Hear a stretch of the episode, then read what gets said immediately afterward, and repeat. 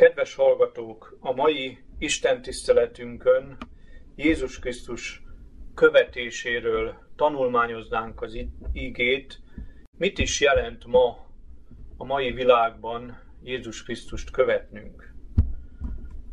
Az alapigénket a zsidókhoz írt levél 12. fejezetének első és második verséből olvasom.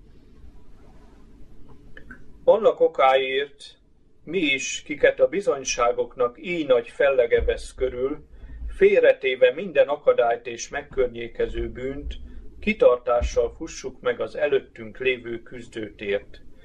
Nézvén a hitnek fejedelmére és bevégzőjére Jézusra, aki az előtte lévő öröm helyett megvetve a gyalázatot keresztet szenvedett, és az Isten királyi székének jobbjára ült.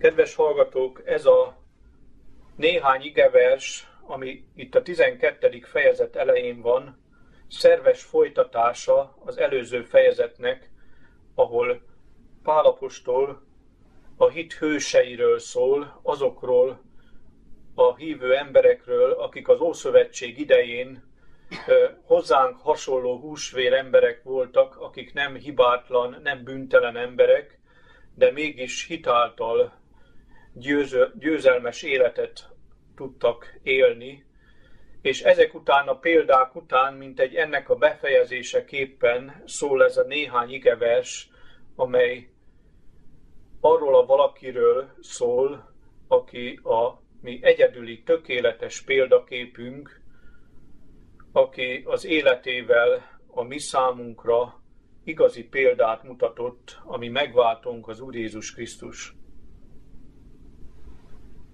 Felteltem a kérdést, hogy a mai időben mit jelent Krisztust követni, mit jelent Krisztus tanítványának lenni. A Bibliában megtaláljuk azt, hogy Jézus Krisztus követése az nem csupán annyit jelent, hogy elfogadjuk Jézus tanításait a Szentírásból, hogy ezt tartjuk egyedüli, biztos, egyedüli igaz tanításnak, hanem azt jelenti Krisztus követése, hogy a gyakorlati életünkben is úgy járunk, úgy élünk, ahogy a mi megváltunk élt és járt az ő földi életében. Pálapostól a romai levél 8. fejezete 19. versében írja, hogy a teremtett világ sóvárogva várja az Isten fiainak megjelenését nem olyan embereket vár, akik szépen tudnak prédikálni, akik csodálatos igazságokat tanítanak, hanem olyan embereket, akiknek az életük összhangban van azzal a tanítással, amit képviselnek. Jézus Krisztus életében is azt látjuk, hogy amikor ő hirdette az evangéliumot, az emberek azért láthatták, hogy soha ember úgy nem szólt, mint ahogy még az ellenségei is mondták, az ő élete világosan, tisztán tükrözte azt, amit ő hirdetett az ő szavaival. Vajon mit jelent Jézus Krisztust követni a mai világban? Mit jelent igazán Isten fiainak lenni, akiket ez a világ vár? Jelenések könyvében a 14. fejezetben olvashatjuk azt, hogy követik a bárányt valahová megy, és azokról szól, akik, akiket Isten elpecsétel a végső időben. Különösen a mikorunkban nagy jelentősége van annak, hogy Krisztust úgy tudjuk követni, ahogy ez az ige szól, követni a bárányt valahová megy. Jézus az ő tanítványait, amikor elhívta, nagyon sokszor csak ennyit mondott nekik, kövessetek engem, vagy kövess engem. A tanítványok, amikor csatlakoztak Jézushoz, és azonnal követték őt, az ő példájuk illetve Jézus Krisztus példája az ő számukra mindent jelentett.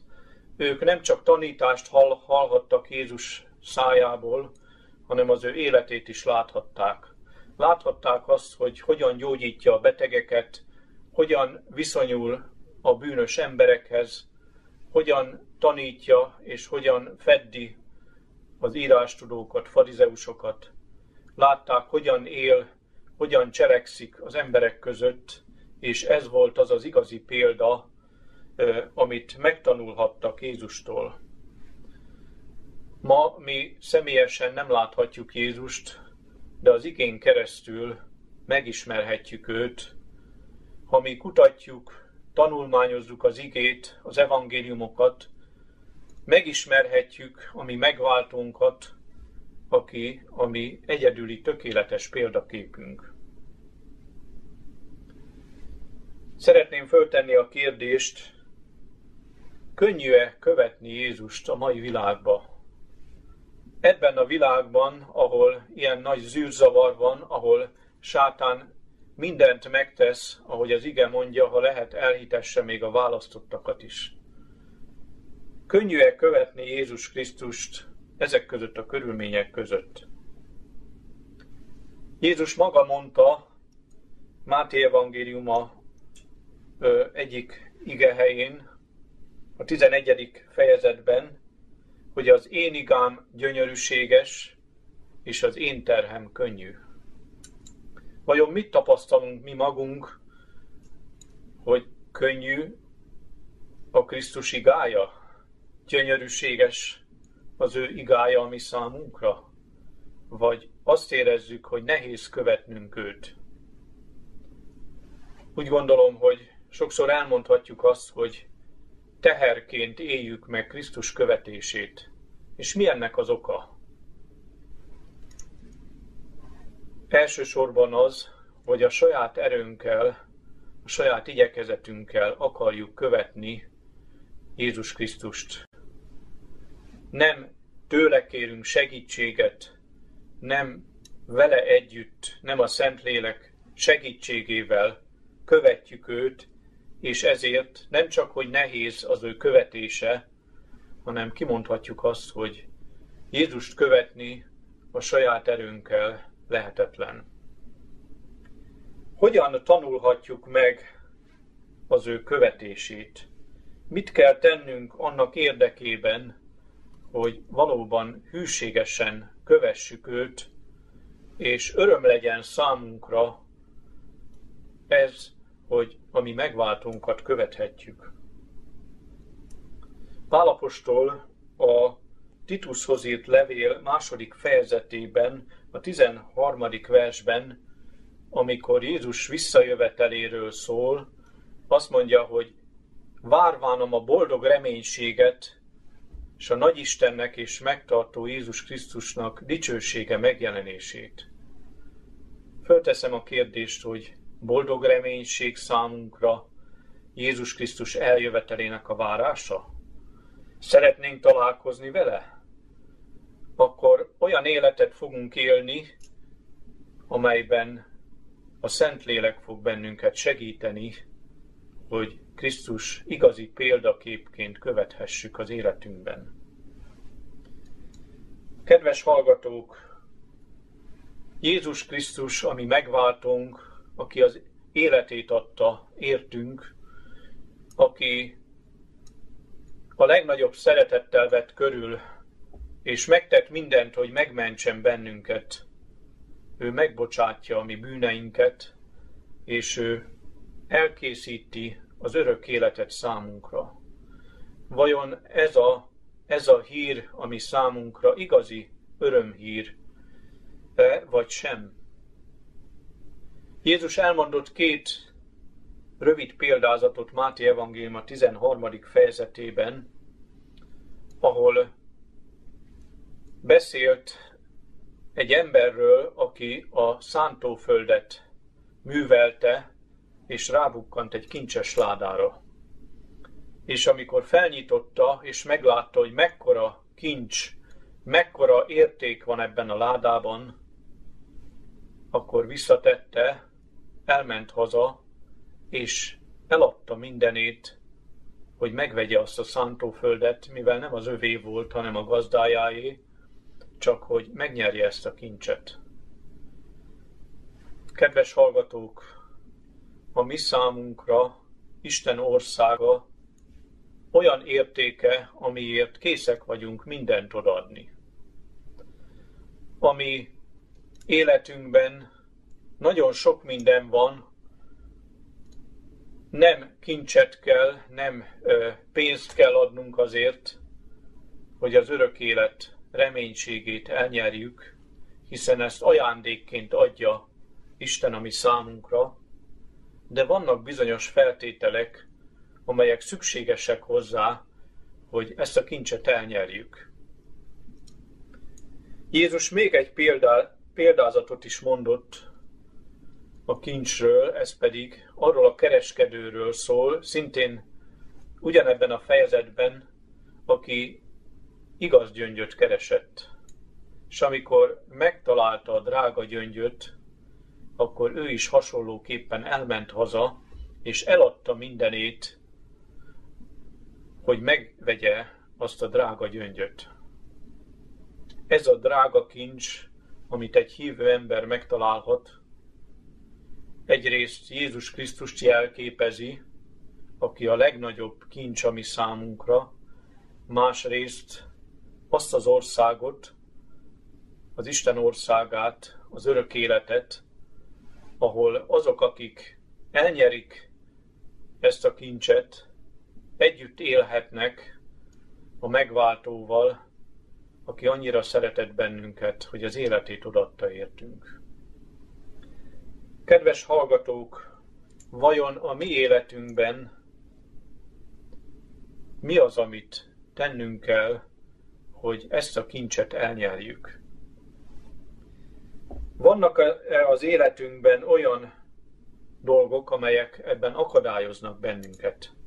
Szeretnék visszatérni az alapigénkhez, tehát a zsidókhoz itt levél 12. fejezet első verséhez, ahol azt olvassuk, hogy mi tegyünk félre minden akadályt és megkörnyékező bűnt, hogy kitartással fussuk meg az előttünk lévő küzdőtért. Kedves hallgatók, vannak-e az életünkben akadályok, amit félre kell, félre kell tennünk? Vannak-e olyan szokásaink, amelyeket megtűrünk az életünkben? Vannak-e olyan kívánságaink, amelyeket még nem tettünk le? Vannak-e olyan ö, rossz gyakorlatok, olyan jellemgyengességek, amelyek, amelyek ellen talán már sok év óta küzdünk, de még mindig ott van az életünkben? Vannak, vannak-e olyan gyenge, gyengeségek, öröklött és szerzett hibák, amelyeket le kell tennünk, ahogy az igében olvastuk, hogy tegyük félre ezeket az akadályokat. Vannak-e olyan bálványok az életünkben, amelyek az Isten elé kerülnek? Itt nem csak a rossz dolgokra szeretnék gondolni, amelyek súlyos és bűnös dolgok. Ilyen például ugye a pénzszeretet, ilyen a hatalomvágy, a dicsőségvágy. Sokszor önmagában értékes és jó dolgok is lehetnek bálványok a mi életünkben. Egy szülő, ha szereti a gyermekeit, az egy természetes és szükséges dolog. De ha ez az Isten elé kerül az életébe, a gyermekei szeretete az első helyen lesz, és Isten csak a második helyen lesz, akkor ez bálványá válik az életünkben. Ha valaki szereti a házastársát, vagy szereti a szüleit, ugyanúgy, ha az Isten elé kerül bálvány az életében. És ezeket a bálványokat el kell távolítanunk. Ezeket a bálványokat el kell vetnünk a mi életünkből, hogy mi valóban ennek a kimondhatatlan kincsnek a birtokába jussunk. Jézus, amikor a gazdag ifjúval beszélgetett, és látta, hogy ennek az ifjúnak az egyik legnagyobb fogyatkozása hogy jobban szereti a vagyont, a kincset, mint az Isten országát, ezért mondta neki, add el minden vagyonodat, kincsed lesz a mennyben, add a szegényeknek, és kövess engem. És ez az ifjú elment szomorúan. Kedves hallgatók, a Jóisten tőlünk nem azt várja, hogy adjunk el mindenünket. Adjuk el a házunkat, az autónkat, adjuk el a, az élethez szükséges dolgainkat, hogy megszerezzük ezt a kincset. De amiket az előbb felsoroltam, ha megvizsgáljuk az életünket, ezek az akadályok, amelyeket el kell vetnünk magunktól, hogy a miénk legyen ez a kincs. Isten erre kér bennünket, hogy vessük el a bálványainkat, vessük el azokat a kívánságainkat, amelyek elválasztanak az Istentől, azért, hogy mindennél fontosabb és értékesebb legyen számunkra az Isten országa, hogy mi alkalmassá váljunk arra, és a mi jellemünk olyanná legyen, hogy ott lehessünk majd, hogy Krisztus elfogadhasson bennünket. Szeretnék egy igét olvasni Pálapostolnak a Filippi leveléből, a harmadik fejezetből. A, tiz, a hetedik és nyolcadik verset olvasom a harmadik fejezetből.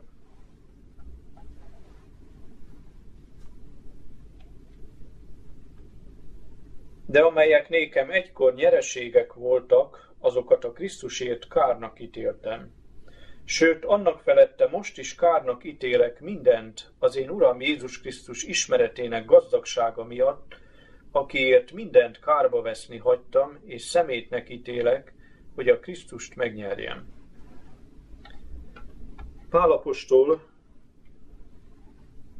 aki hatalmas tudással rendelkezett, akiről azt olvashatjuk, hogy a legnagyobb buzgósággal üldözte a keresztényeket, mert úgy gondolta, hogy ezzel Istennek szolgál. Ő az, aki olyan sok mindennel dicsekedhetett volna emberi szempontból,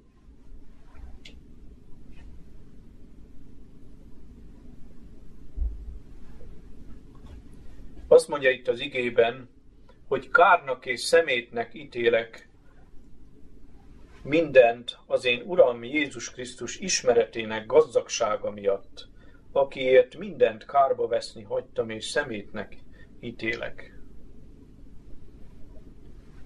Pálapostól megértette, hogy mit is tett érte Krisztus. Megértette azt, hogy Jézus Krisztus az ő életét adta azért, hogy ő azokat a súlyos bűnöket, amit elkövetett, akár a múltban, akár a jövőben elkövet, Jézus Krisztus neki megbocsássa.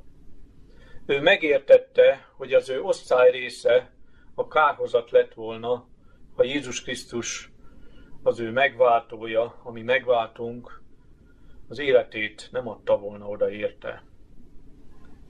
Neki mindennél fontosabb volt, azután, hogy elfogadta a megváltót, azután, hogy nem csak, hogy megbocsátotta az ő bűneit, nem csak, hogy szövetséget kötött Krisztussal, hanem meg is bízta azzal a szolgálattal, hogy az evangéliumot hirdesse az embereknek.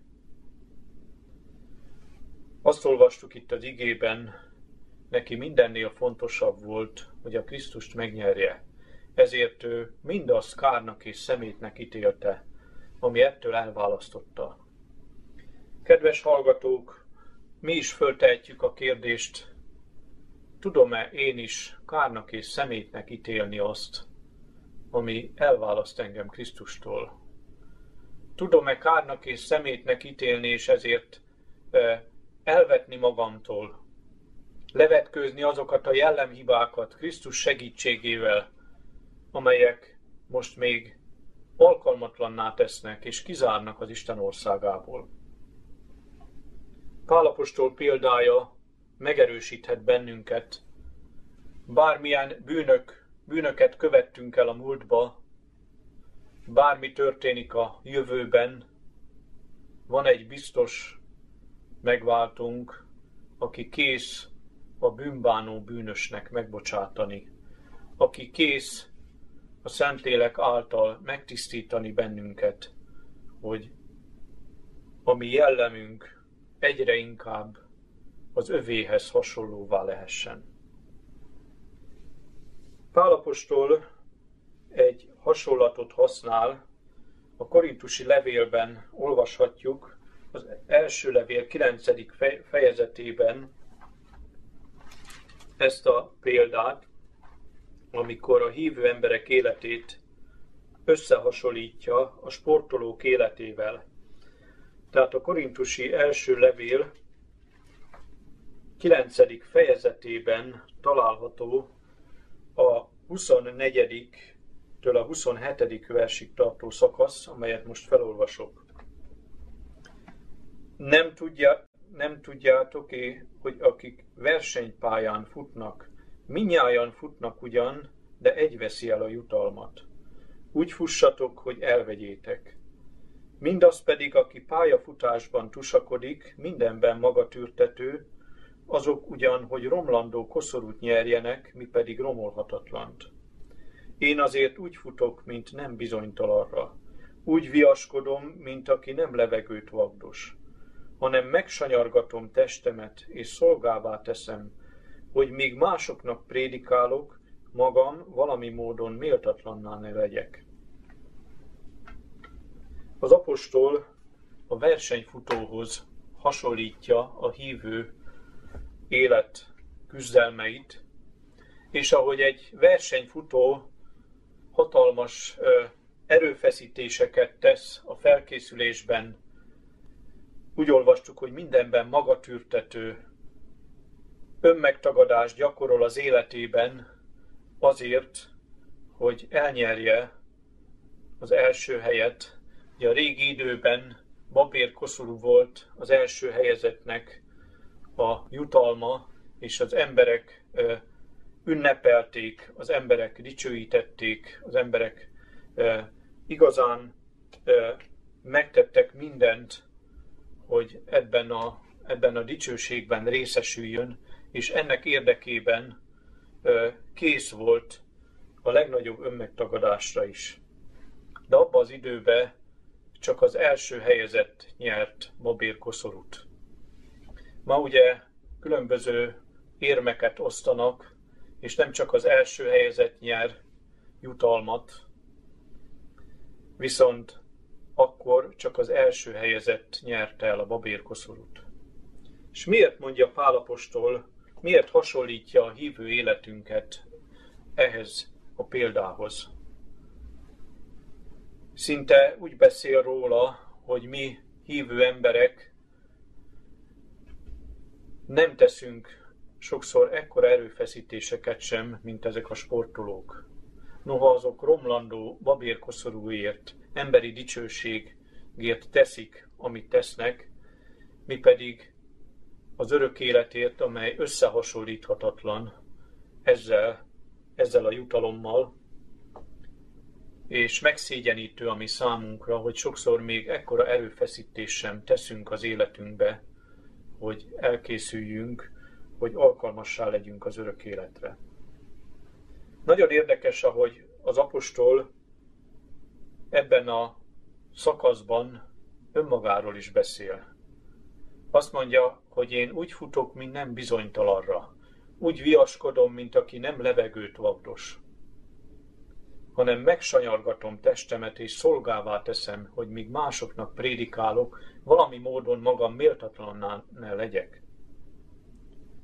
Azt gondolnánk, hogy az a pálapostól, aki ekkora munkát végzett, aki ilyen csodálatos keresztény életet élt, a legtermészetesebb dolog, hogy ő az örök életnek részese lesz. Ő mégsem így gondolta magáról, hogy azért, mert ő többet munkálkodott, mint az összes többi apostol, de ugye hozzátette, hogy de nem én, hanem az Isten velem lévő kegyelme. Mégse gondolta azt, hogy neki ö, automatikusan jár az örök élet. Azt olvastuk, hogy ő megsanyargatja a testét és szolgává teszi, hogy amíg másoknak prédikál, ő valami módon méltatlanná legyen. Úgy gondolom, mindannyiunknak, akik hirdetjük az igét, nagy példa, ami számunkra az apostolnak ez a hozzáállása, ez a magatartása, hogy ő teljes szívvel és úgy küzdött, mint aki nem levegőt vagdos, hanem úgy küzdött, hogy elérje a célt. És talán elmondhatjuk, hogy annál nagyobb ö, veszteség nem érhet egy keresztény embert, mint amikor az életét leélte, küzdött évtizedekig, hogy Krisztus követője legyen, és az utolsó métereken elveszíti a küzdelmet, és nem ér be a célba. Jóisten óvjon mindannyiunkat ettől, hogy ami küzdelmünkben feladjuk a harcot az utolsó métereken.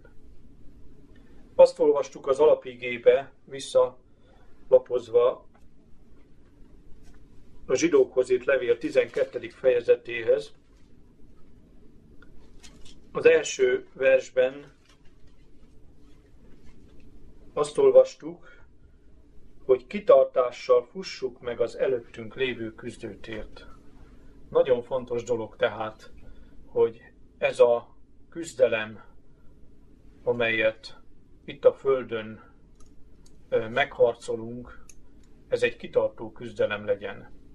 És ebben a kitartásban az a Jézus Krisztus tud segíteni, aki a mi tökéletes megváltunk, aki erőt tud adni ahhoz, hogy kitartsunk ebben a harcban, és elérjünk a végső célig. Kedves hallgatók, a második részben, ahol a megváltóról szólunk, ahogy, a, ahogy az ige mondja, hogy nézzünk a hitünknek fejedelmére és bevégzőjére.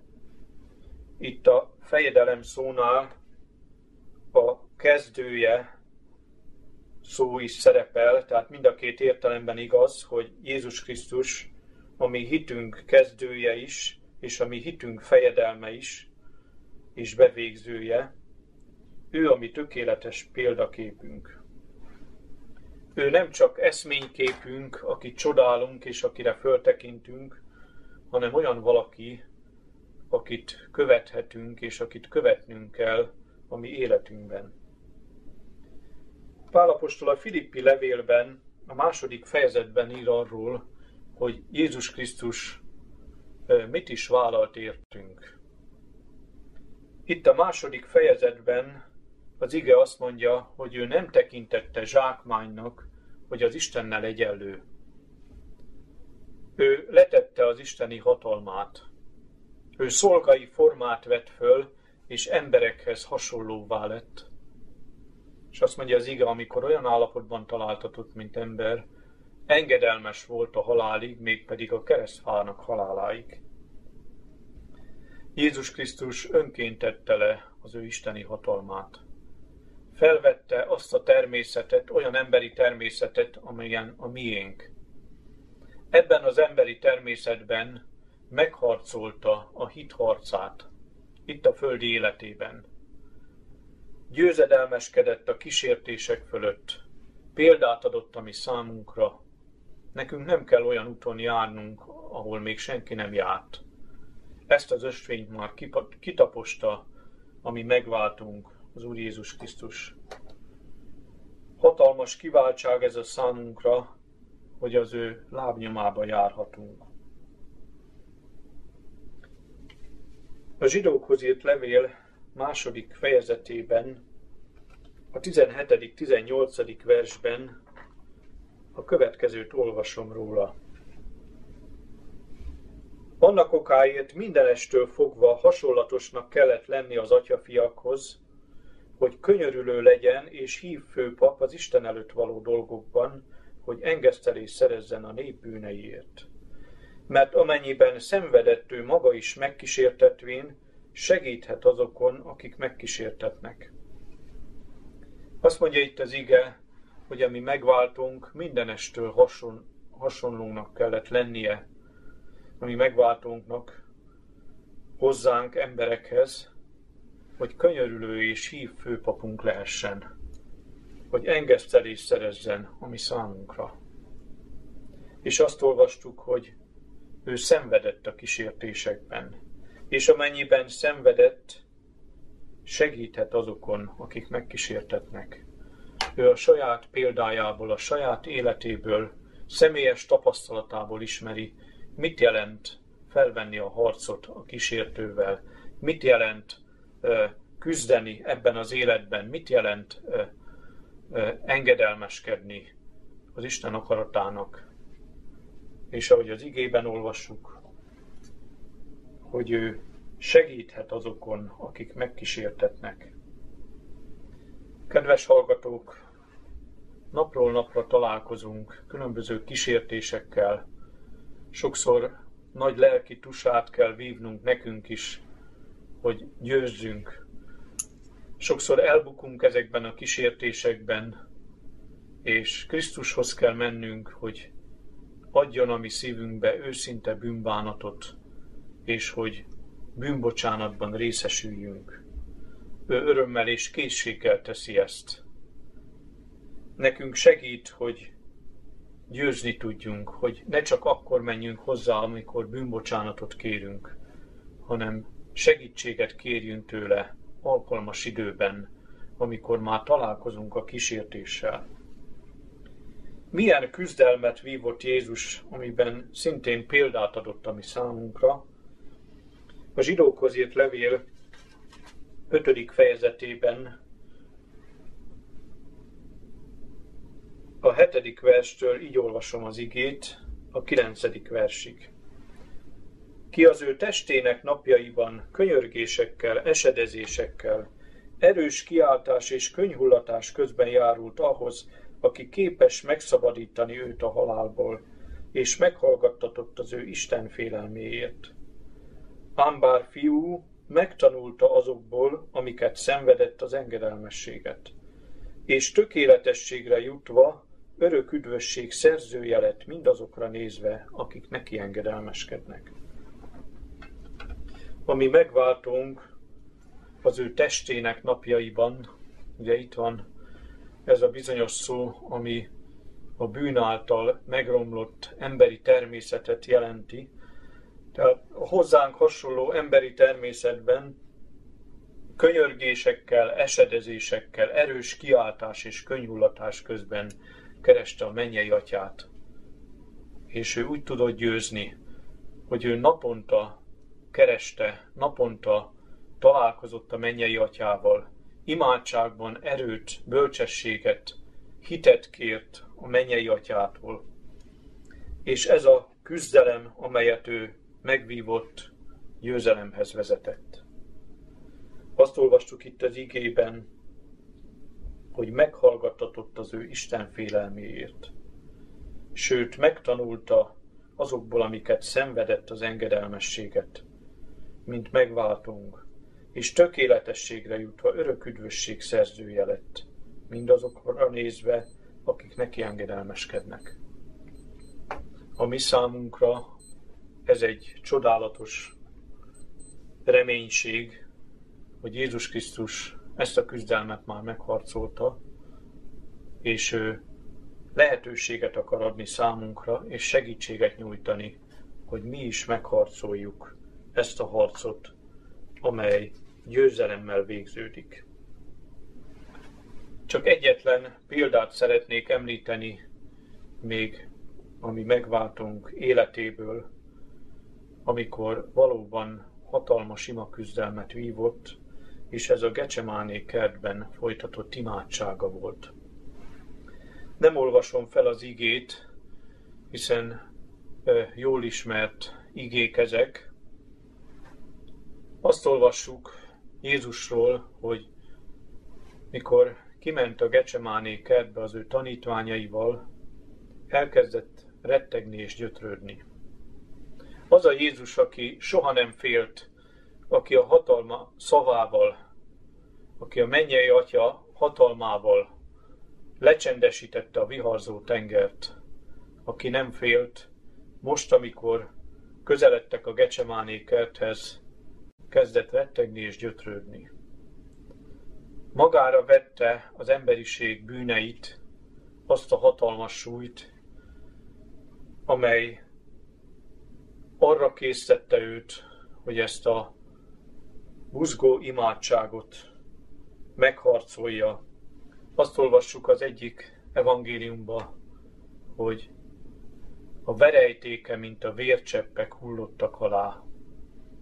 Hatalmas lelki tusa volt ez, amit a mi megváltunk itt a Gecsemánében, Gecsemáné kertben folytatott. És ebben az imádságban benne volt az is, hogy az ő emberi természete visszariadt a szenvedésektől. Azt mondta, atyám, ha lehetséges, múljék el tőlem ez a pohár, ez a szenvedés kejhe, ha van más megoldás, ne kelljen elszenvednem, de hozzátette, mindazáltal ne az én akaratom legyen meg, hanem a tiéd. Vajon miért kellett Jézusnak háromszor imádkoznia? Miért nem volt elég egyszer vagy kétszer? Csak a harmadik imádsága után szabadult fel, erősödött meg a hitben, hogy ő kész mindent vállalni, hogy ő nem visszamegy a mennybe, és hagyja elveszni az emberiséget, hanem ő kész vállalni minden megaláztatást, minden szenvedést, csak hogy megmentse az emberiséget, hogy megmentsen bennünket. Ő önként vállalta, és amikor harmadszor is imádkozott, és kimondta, hogy atyám, legyen meg a te akaratod, akkor utána következtek az események, következett az elfogatása, a kihallgatások, a kigúnyolás, a megostorozás, a fizikai bántalmazás, és legvégül a kereszthalál. A legnagyobb fájdalmat a fizikai szenvedéseken túl is a lelki szenvedések okozták. Ő nem a saját bűnei miatt, hanem a mi bűneink miatt halt meg a kereszten. A mennyei atya nem vigasztalhatta őt a legnehezebb pillanataiban, nem bátoríthatta őt. Jézus ott volt, szembenézett a külső sötétséggel. Ő mégis győzött hitáltal, ő bízott az atya ígéretébe, hogy elfogadja az ő áldozatát, és nem lesz hiába való, hogy az emberiség számára megnyitja az örök élet lehetőségét, megnyitja a menny kapuját, és az ő áldozata által mindazok bűnbocsánatot nyerhetnek, akik őszintén szembefordulnak és megbánják a bűneiket, és akik elkészülnek, akik a jellemükben ő hozzá válnak hasonlóvá. Kedves hallgatók, ahogy az igében olvashatjuk, sokszor élnek csüggedések bennünket. De ha összehasonlítjuk a mi életünket, a mi küzdelmeinket, messze sokkal kisebbek annál, mint amit ami megváltunk elszenvedett. Az ige arra bátorít bennünket, hogy mi ne csüggedjünk el, amikor ezeket el kell szenvednünk. Mi bízzunk a megváltóban, aki kész segítséget nyújtani, aki együtt érez velünk, aki mindezeket elszenvedte, azokat a kísértéseket, és mindig győzedelmeskedett, soha nem védkezett. Az a Krisztus együtt érez velünk és segítséget nyújt a mi számunkra. A tanulmányunk, Biblia tanulmányunk végé, végéhez érve csak egyetlen egy igét szeretnék felolvasni Pálapostolnak az Efézusi leveléből. Pálapostól, amit kíván itt a hívők számára, mindannyiunknak a legfontosabb.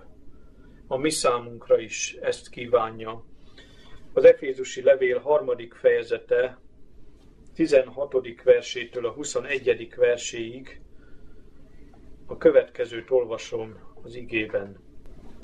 Hogy adja meg néktek az ő dicsősége gazdagságáért, hogy hatalmasan megerősödjetek az ő lelke által a belső emberben.